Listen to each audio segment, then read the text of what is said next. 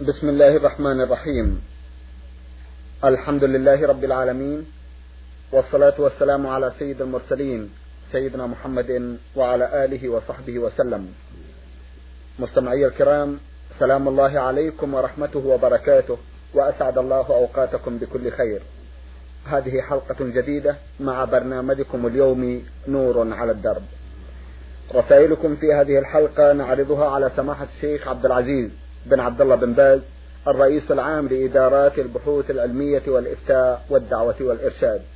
في بداية لقائنا نرحب بسماحة الشيخ ونشكر له تفضله بالإجابة على أسئلة المستمعين. فأهلا وسهلا بالشيخ عبد العزيز. حياكم الله وبارك فيك. حياكم الله. شيخ عبد العزيز في بداية هذه الحلقة نعود إلى رسالة الأخت عين ذا من الأعظمية. بغداد الرصافة. أختنا عرضنا في حلقة سبقت بعضا من أسئلة لها وكان من أسئلتها السؤال عن الصلاة من الوضوء حتى التسليم كما حددت هي. تفضلتم وبينتم الكيفية الصحيحة التي ينبغي أن يكون عليها المسلم تجاه الصلاة ولا سيما إذا اختلف الأداء في قطر من الأقطار على طريقة مذهبية معينة. أرجو أن تتفضلوا سماحة الشيخ بتكملة ما بدأتموه في تلكم الحلقة لعل أختنا وأخواتها كما تقول يستفدن وكذلك المستمعين الكرام. بسم الله الرحمن الرحيم.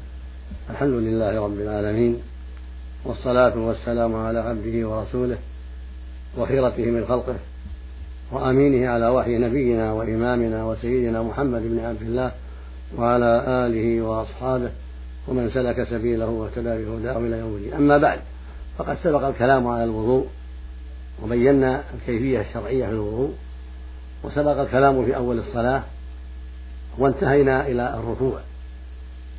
فالذي شرعه الله جل وعلا في الركوع أن المصلي إذا انتهى من القراءة يكبر رافعا يديه راكعا يرفع يديه إلى حذو منكبيه أو إلى حيال أذنيه ويكبر قائلا الله أكبر. ثم يسوي ظهره كما تقدم ويجعل يديه على ركبتيه وفردتي الأصابع ويقول سبحان ربي العظيم سبحان ربي العظيم. وهذا يستوي فيه المرأة والرجل جميعا. ويشرع له أن يقول مع ذلك سبحانك اللهم ربنا وبحمدك اللهم اغفر لي. والأفضل أن يكرر التسبيح ثلاثة يقول سبحان ربي العظيم سبحان ربي العظيم سبحان ربي العظيم.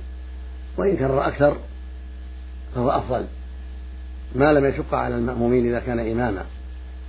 ويستحب أن يقول في ذلك سبحانك اللهم ربنا وبحمدك اللهم اغفر لي لما ثبت عن عائشة رضي الله عنها قالت كان النبي صلى الله عليه وسلم يكثر يكثر أن يقول في ركوعه وسجوده سبحانك اللهم ربنا وبحمدك اللهم اغفر لي وجاء عنه صلى الله عليه وسلم أنه كان يقول في الركوع سبحان ذي الجبروت والملكوت والكبرياء والعظمة. سبوح قدوس رب الملائكة والروح.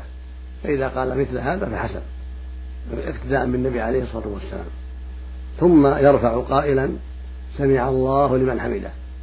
إذا كان اماما أو منفردا. يقول عند الرفع سمع الله لمن حمده. ويرفع يديه. مثل ما فعل عند الركوع. حيال منكبيه أو حيال أذنيه عند قوله سمع الله لمن حمده. ثم بعد انتصابه واعتداله يقول ربنا ولك الحمد أو اللهم ربنا لك الحمد. حمدا كثيرا طيبا وكثير من السماوات ومن الأرض ومن ما بينهما ومن ما في تمييزهم بعد. هذا ثبت عن صحابه النبي صلى الله عليه وسلم من قوله وفعله عليه الصلاة والسلام. ولا فرق في هذا بين الرجل والمرأة. وإن زاد على هذا فقال أهل الثناء والمجد أحق ما قال العبد وكلنا لك عبد. لا مانع لما أعطيت ولا معطي لما منعت ولا ينفع ذا الجد منك جد فذلك حسن. لأن الرسول كان يقول في بعض الأحيان عليه الصلاة والسلام ومعنى ولا ينفع ذا الجد منك جد يعني ولا ينفع ذا الغنى منك غناه فالجميع فقراء إلى الله سبحانه وتعالى والجد هو الحظ والغنى. وأما إذا كان مأموما فإنه يقول ربنا ولك عند الرفع. ويرفع يديه أيضا حيال منكبيه أو حيال أذنيه عند الرفع. قائلا ربنا ولك الحمد. أو ربنا لك الحمد. أو اللهم ربنا لك الحمد. أو اللهم ربنا ولك الحمد. كل هذا مشروع للإمام والمأموم والمنفرد جميعا. لكن الإمام يقول سمع الله لمن هدى أولا وهكذا المنفرد. ثم يأتي بالحمد بعد ذلك. أما المأموم فإنه يقول هذا عند ارتفاعه من الركوع يقول ربنا ولك الحمد. ولا يأتي بالتسميع لا يقول سمع الله لمن على الصحيح. المختار الذي دلت عليه الأحاديث عن رسول الله عليه الصلاة والسلام. والواجب الاعتدال في هذا الركن. لا يعجل. متى رفع يعتدل ويطمئن قائما ويضع يديه على صدره هذا هو الأفضل. قال بعض أهل يرسلها ولكن الصواب أنه يضعهما على صدره. يضع اليمنى كف اليمنى على كف اليسرى على صدره كما فعل قبل الركوع وهو قائم. هذا هو السنة. لما ثبت عنه صلى الله عليه وسلم أنه كان إذا كان قائما في الصلاة وضع كفه اليمنى على كفه اليسرى على في الصلاة على صدره. ثبت هذا من حديث وائل بن حجر وثبت هذا أيضا من حديث قبيصة بن هلب الطائي عن أبيه. وثبت مرسلا من حديث طاووس عن النبي صلى الله عليه وسلم. فهذا هو الأفضل والسنة. وإن أرسل يديه فلا حرج في صلاته. صلاته صحيحة لكنه ترك السنة. ولا ينبغي للمؤمنين المشاقة في هذا والمنازعة. بل المؤمن يعلم السنة وطالب العلم يعلم السنة لإخوانه ولكن لا يشنع على من أرسل ولا يكون بينه وبينه العداوة والشحناء لأنها سنة نافلة. فلا ينبغي للإخوان للإخوان لا في أفريقيا ولا في غيرها النزاع في هذا والشحناء بل يكون التعليم بالرفق والحكمة والمحبة لأخيه كما يحب نفسه. هكذا ينبغي في هذه الأمور. وجاء في حديث سهل الصحيح صحيح البخاري سهل بن سعد أن النبي صلى الله عليه وسلم عن النبي صلى الله عليه وسلم أنه قال عن سهل بن سعد قال كان الرجل يؤمر أن يجعل يده اليمنى على ذراعه اليسرى في الصلاة. قال أبو حازم الراوي عن سهل لا أعلمه إلا يرمي ذلك إلى النبي صلى الله عليه وسلم. فدل ذلك على أنه في الصلاة إذا كان قائما يضع يده اليمنى على ذراعه اليسرى والمعنى على كفه وطرفه ذراعه لأن هذا هو الجمع بينه وبين رواية وائل بن حجر فإذا وضع كفه على الرسل والساعد فقد وضعه على الذراع لأن الساعد من الذراع. فيضع كفه اليمنى على كفه اليسرى وعلى الرسل والساعد كما جاء مصرحا به في حديث وائل.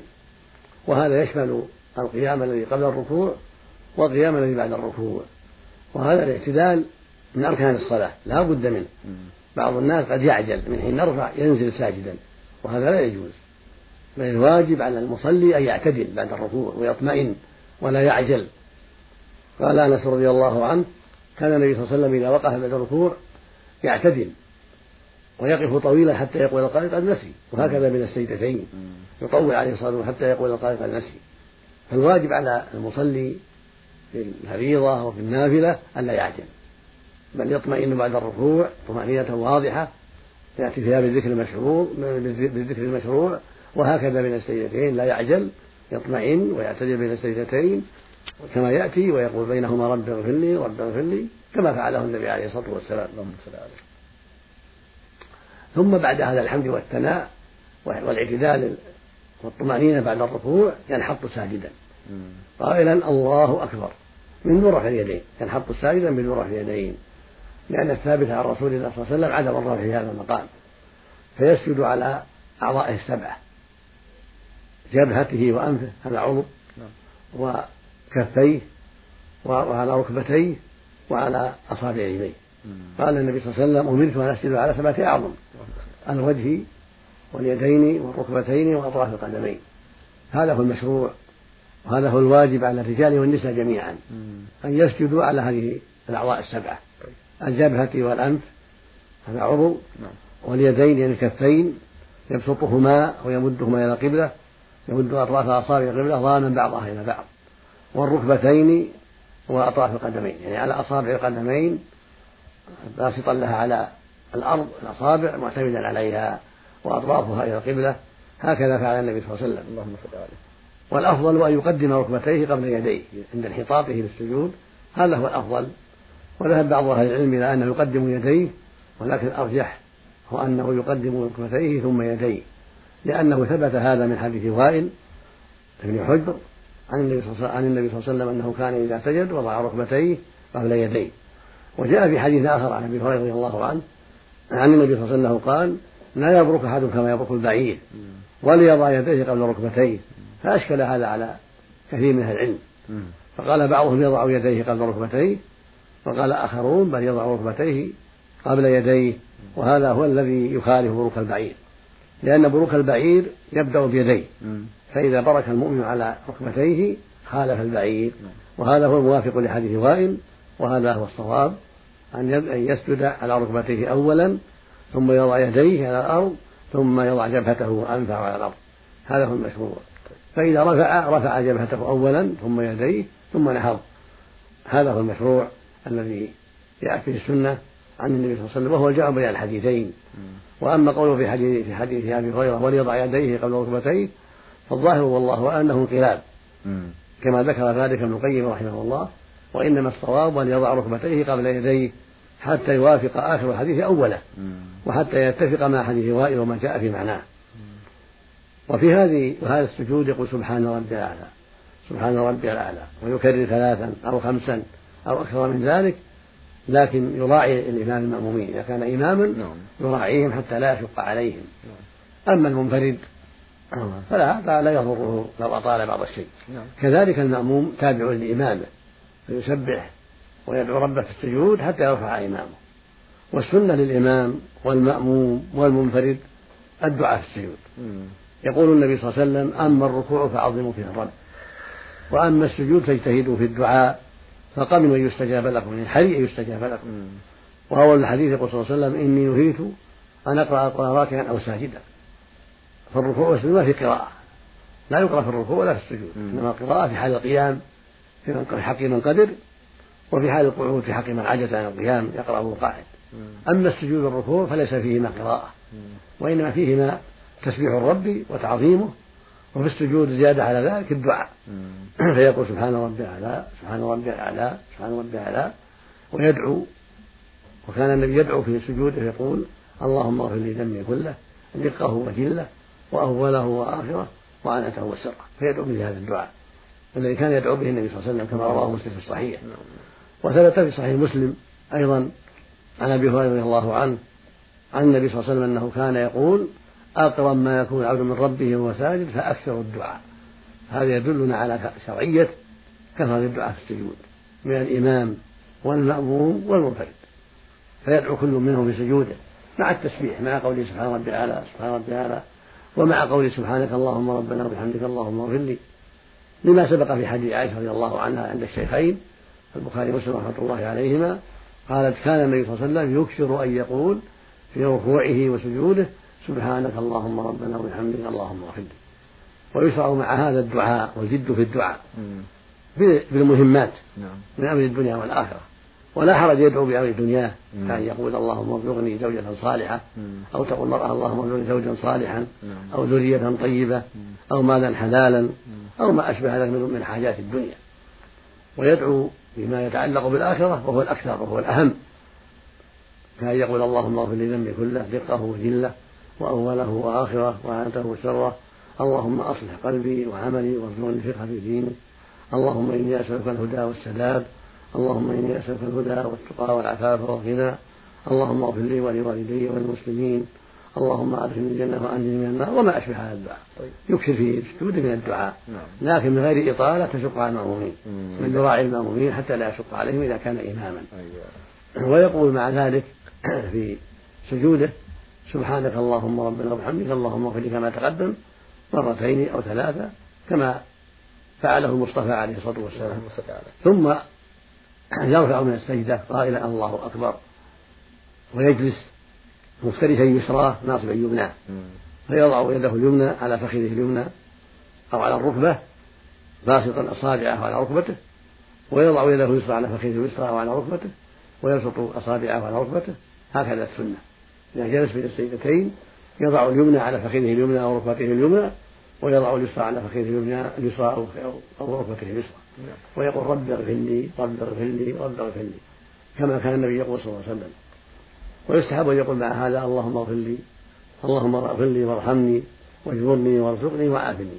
يروى هذا عن النبي صلى الله عليه وسلم أيضا مع قوله رب اغفر لي رب اغفر لي.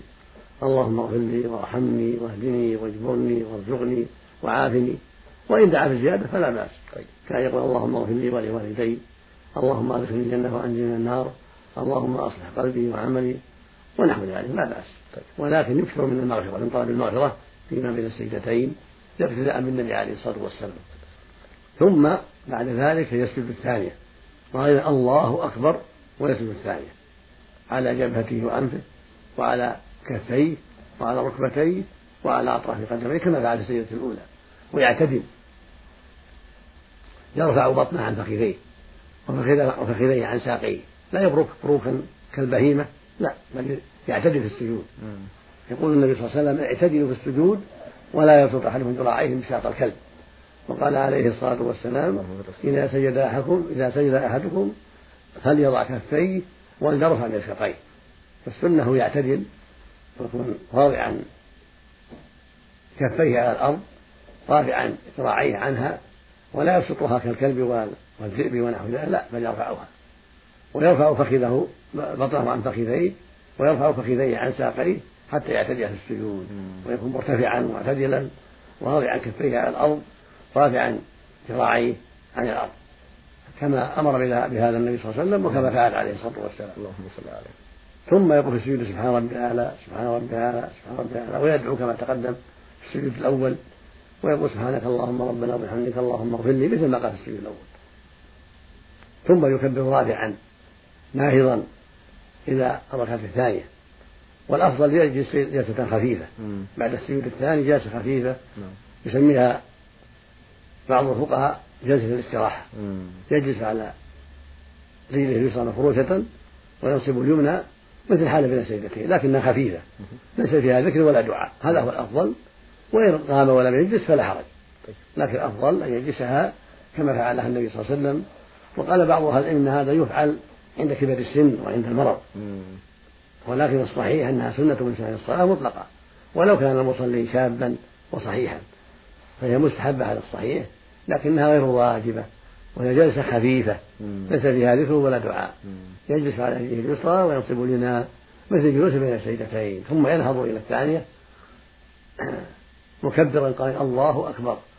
من حين ينهض من سجوده جالسا جلسة الاستراحة. أو حين يفرغ من جلسة الاستراحة ينهض ويقول الله أكبر. فإن بدأ في التكبير جلس فينبه الجماعة ألا يسبقوه حتى يجلسوها ويأتوا بهذه السنة.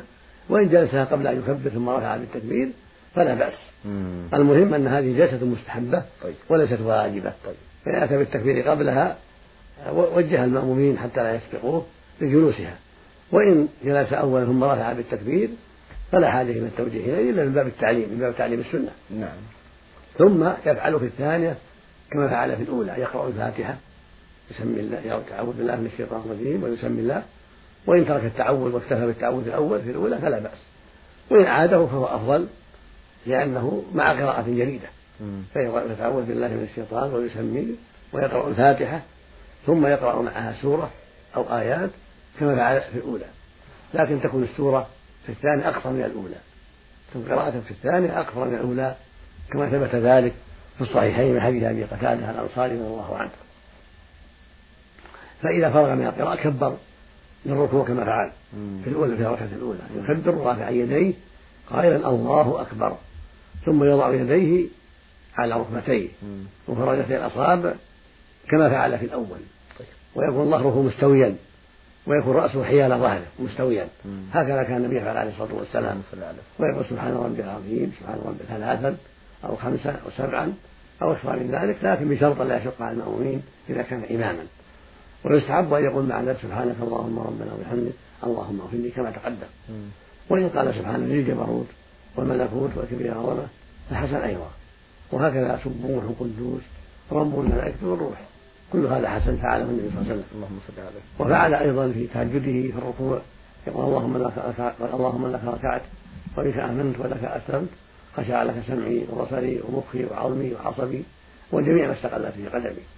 هذا كان يقول صلى الله عليه وسلم في الركوع في صلاة التهجد التهجد بالليل إذا فعله في الليل أو في الفريضة فلا بأس بذلك.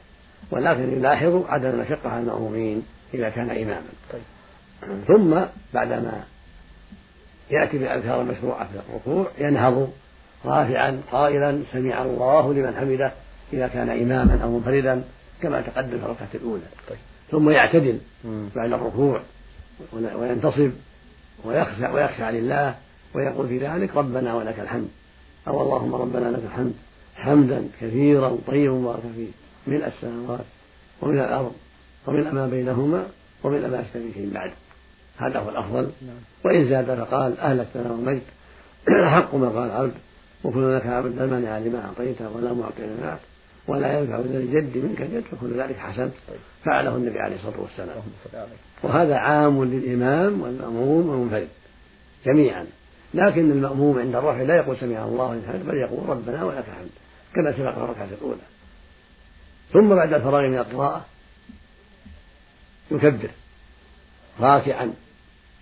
كما فعل في الركعة الأولى كما تقدم بعد فراغ من القراءة يركع كما تقدم يفعل كما تقدم من رفع يديه عند الركوع ووضعه مع الركبتين ويسوي ظهره ويسوي رأسه مع ظهره كل هذا تقدم. نعم. و... وإذا اعتدل على الركوع لا يعجل بل يطمئن كما تقدم وأن الرسول كان يطمئن في ذلك حتى يقول قد قد نسي بعض الناس يعجل في نعم. اعتداله ولا يطمئن وهذا غلط لا يجوز. بل يبطل الصلاة إذا عجل. ولم يعتدل. فلا بد من اعتداله وطمأنينته بعد الركوع. يقول فيها ربنا يقول في ذلك ربنا ولك الحمد إلى آخره. بعد قوله سمع الله لمن عند الرفع إذا كان إماما أو مريدا. أما المأموم فيرفع قائلا ربنا ولك الحمد. رافعا يديه مع ذلك حيال منكبيه أو حيال أذنيه. ثم يكمل. ربنا لك الحمد حمدا كثيرا طيبا مباركا في ملء السماوات ومن الأرض ومن ما بينهما ومن ما في شيء بعد. ثم ينحط للسجود وإن زاد بعد قبل أن ينحط للسجود قال أهلكتنا مريض أحق ما قال العبد وكلنا لك عبد اللهم لا مانع لما أعطيت ولا معطي لما ولا ينفع ذا الجد منك الجد فكان كان هذا أكمل طيب. وأفضل لفعله صلى الله عليه وسلم. اللهم صل عليه. ثم ينحط ساجدا كما تقدم في الركعة الأولى ينحط من هذا الاعتدال ساجدا مكبرا من غير رفع يدين ويكبر عند انحطاط السجود من ذرع اليدين ويسجد كما تقدم. يسجد سجدتين مثل سجود الركعة الأولى سواء.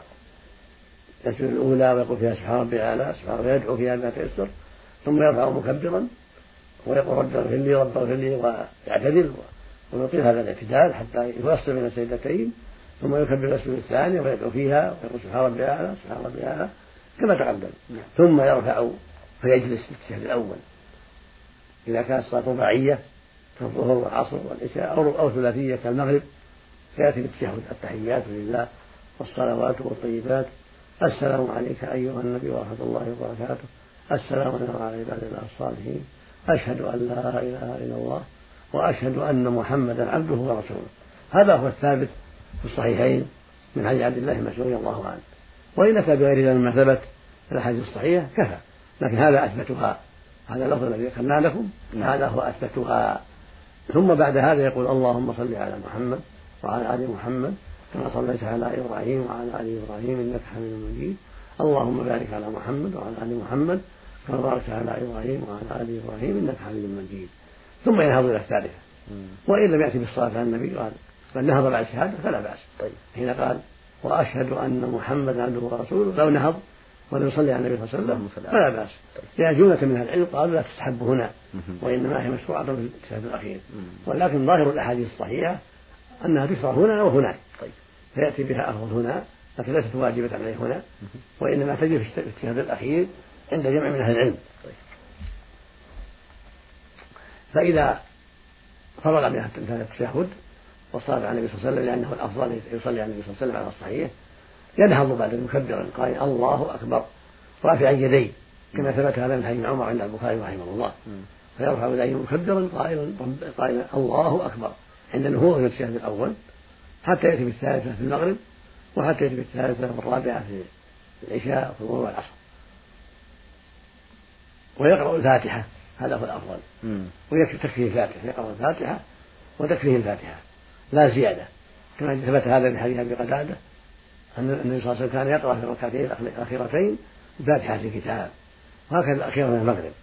وإن قرأ زيادة في الظهر بعض الأحيان حسن لأن ثبت من حديث أبي سعيد رضي الله عنه عن النبي صلى الله عليه وسلم كان في الظهر يقرأ في الأخيرتين يقرأ في في الأولين من العصر مقدار ما يقرأ في الأخرين من الظهر. فهذا يدل على أنه كان يقرأ في الأخيرة من الظهر زيادة عن الفاتحة. فإذا قرأ زيادة فلا بأس بل هو حسن في بعض الأحيان. وفي بعض الأحيان يقتصر على الفاتحة في الظهر كالعصر والمغرب والعشاء. جمعا بين حديث أبي سعيد وحديث أبي قتادة. فإذا قرأ في الثالث والرابع من الظهر فهذا على حديث أبي سعيد. وإذا ترك فهذا على حديث أبي قتادة. فيفعل هذا تارة وهذا تارة. أما في الثالث والرابع من العصر والثالث والرابع من العشاء والثالث من المغرب فليس فيها إلا قراءة الفاتحة فقط. ليس يقرأ زيادة لعدم الدليل على ذلك. ثم بعد بعد فراغه من الفاتحة في الثالثة من المغرب والثالثة والرابعة من الظهر والعصر والعشاء ينحط ساجدا.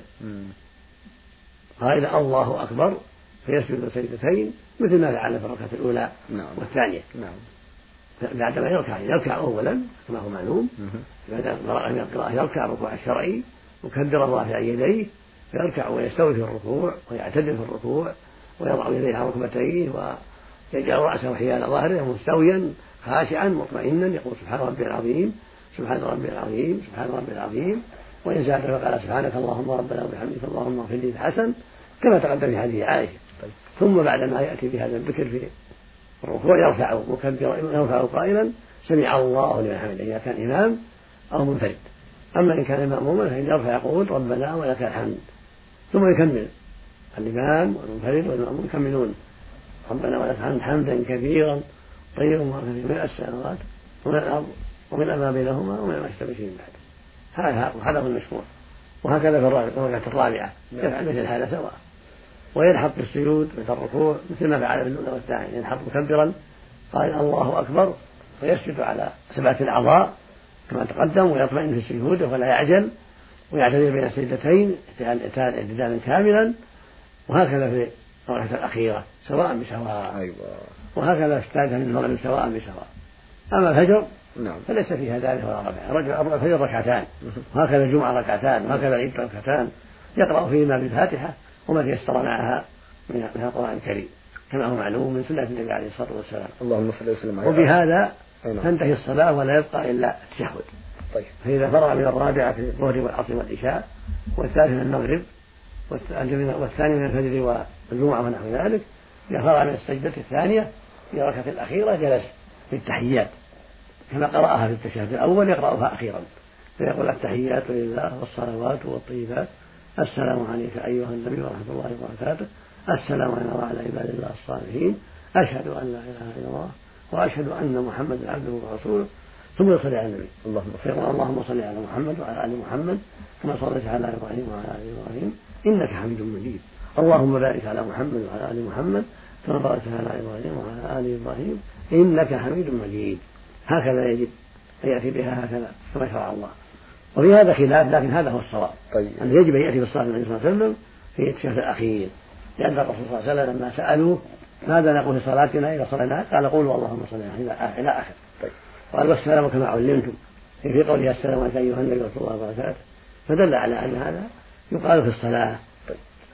فبعد الصلاة بعد هذه الصلاة النبي صلى الله عليه وسلم يدعو بالدعوات المشهورة ويتعوذ بالله من أربع الأشياء كان يتعوذ النبي صلى الله عليه وسلم أيوة. فيقول اللهم اني أعوذ من عذاب جهنم ومن عذاب القبر ومن فتنة المحيا والممات ومن فتنة المسيح الدجال.